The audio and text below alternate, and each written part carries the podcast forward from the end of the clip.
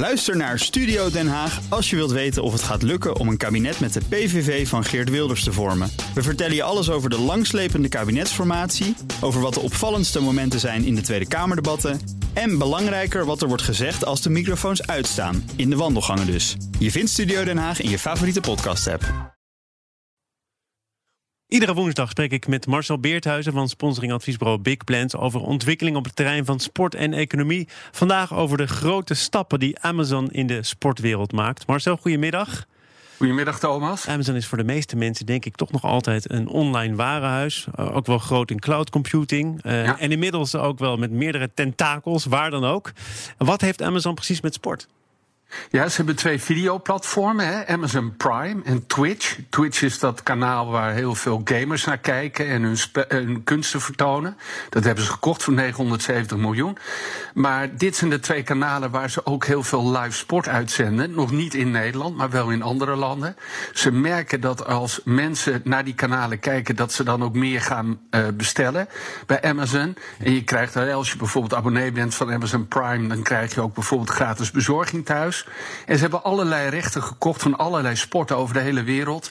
American football in de VS. Uh, voor, de, voor elf donderdagavondwedstrijden. Die kun je dan kijken bij hun. De Premier League in Engeland hebben ze gekocht. Champions League rechten in Duitsland. Ook de audiorechten van de Champions League. Dus dat brengen ze dan ook naar de mensen toe.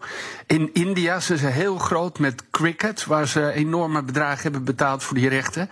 Dus sport is voor hun een heel belangrijk platform aan het worden. Ja, en ze sprokkelen het bij elkaar. Een paar wedstrijden in de Premier League, op andere uh, plekken dan weer wat serieuzer.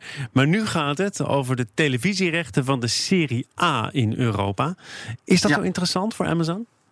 Ja, zeker. Dat is natuurlijk een nieuwe manier om die, uh, om die markt te betreden. Uh, ze hebben bijvoorbeeld uit hun cijfers, kunnen natuurlijk iedereen volgen die kijkt. Uh, hun cijfers in Amerika hebben getoond dat de mensen die naar die NFL-wedstrijden keken, dat 50% daarvan ging bestellen. En 50%, of dat heel veel mensen ging bestellen. En 50% daarvan had de afgelopen 12 maanden niet bij Amazon gekocht. Dus dat is dan een aanjager voor ze geweest. En zo willen ze ook op deze manier de Italiaanse markt uh, veroveren. Italiaans voetbal dat toch weer in de lift zit. En uh, ja, daar wordt nu geboden door allerlei partijen. Dat gaat echt om heel veel geld. De Serie A wil voor uh, meer dan een miljard ophalen voor drie seizoenen uh, aan uitzendrechten. En Amazon is een van de grote partijen die daar aanspraak op maakt. Ja, Sky is volgens mij wel een geduchte concurrent nog. Het is geen gelopen race als ik het allemaal nee. een beetje probeer te volgen. Ja, Comcast is dat, hè. Dat is een internet- en telecom provider en die biedt dat ook aan. Het is wel leuk dat Amazon in, in Amerika ook wel extra dingen vraagt. Ze hebben bijvoorbeeld één wedstrijd van de NFL. Die hebben ze helemaal uh, zelf uitgezonden. Dus die kon je behalve in de, in de omgevingen waar de, clubs, de twee clubs vandaan kwamen. De 49ers en de Cardinals. Maar uh, verder kon je die wedstrijd alleen via Amazon zien. Dus ze zijn ook op allerlei innovatieve manieren bezig om rechten te vermarkten. Maar het idee is dus wel dat als je een sportwedstrijd kijkt via Amazon, dat je meteen bestelt in het online warenhuis. Dat heeft een directe relatie als ik jou zo goed Nou ja, weet je, je kan een, een kaartje kopen voor de volgende wedstrijd. Het is ja. nu even anders. Maar goed, je kan een shirtje kopen. Uh, je kan natuurlijk meteen op allerlei manieren kun je, kun je uh, ja, dat e-commerce platform vermarkten. En wat ze ook doen, is dat ze content die ze gebruiken van die rechten, die gebruiken ze ook om, uh, om series te maken, om documentaires te maken. Dat hebben ze All or Nothing, hebben ze ook gedaan in Amerika. Daar zijn ze gewoon een heel seizoen een club gaan volgen. En, en dat is ook de manier waarop ze dus steeds meer mensen aan, aan, aan hun kanaal proberen te binden. Wanneer is Europese sport voor Amazon interessant genoeg? Want uh, de Serie A zit een beetje in de lift. Daar spelen op dit moment veel sterren.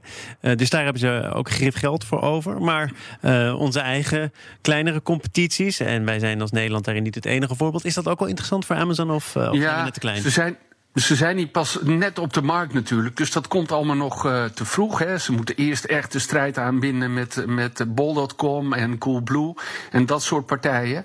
Maar op een gegeven, manier, uh, uh, op gegeven moment zie je, en dat doet Ziggo eigenlijk precies hetzelfde, dat sportrecht gewoon een heel interessante manier is om meer mensen aan je te binden. Dus ik, ik vind het helemaal niet ondenkbaar dat op het moment dat het contract afloopt, dat, hè, dat de eredivisie met Fox heeft, dat nu ESPN heet, dat dan bijvoorbeeld Amazon in de markt zou kunnen komen. Dat, dan praten we over 2025, maar dat is helemaal niet ondenkbaar. Nee, daar gaat het nu nog over uh, televisierechten. Maar in Seattle, waar het bedrijf vandaan komt, ja. daar zijn natuurlijk ook uh, sportverenigingen actief. En er komt een nieuw, volledig duurzaam stadion met een grote invloed van Amazon. Wat kun je daarover zeggen? Ja, dat is wel een leuk verhaal. Ze hebben, dat, ze hebben die rechten, die naamrechten gekocht voor 350 miljoen dollar. En ze hebben gezegd, ja, we zetten daar, we noemen het niet de Amazon Arena. Nee, we noemen het de Climate Pledge Arena. Dus de Klimaatbelofte Arena. We zoals zelf gezegd, de ijshockeyfans erin uh, aan herinneren dat er een klimaatcrisis is. Dus dat stadion was ooit in 62 gebouwd. Het wordt nu helemaal verbouwd.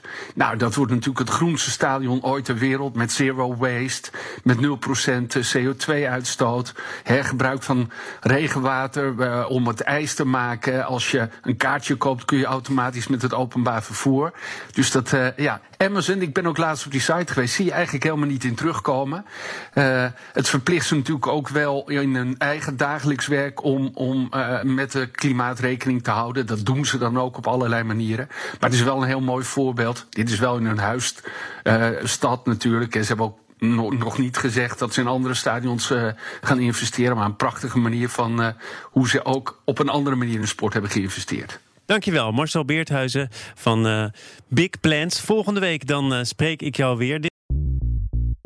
BNR ben je altijd als eerste op de hoogte van het laatste nieuws. Luister dagelijks live via internet. Bas van Werven. En heel langzaam komt de zon op rond dit tijdstip. Je krijgt inzicht in de dag die komt op BNR, het Binnenhof in Nederland en de rest van de wereld. De Ochtendspits. Voor de beste start van je werkdag. Blijf scherp en mis niets.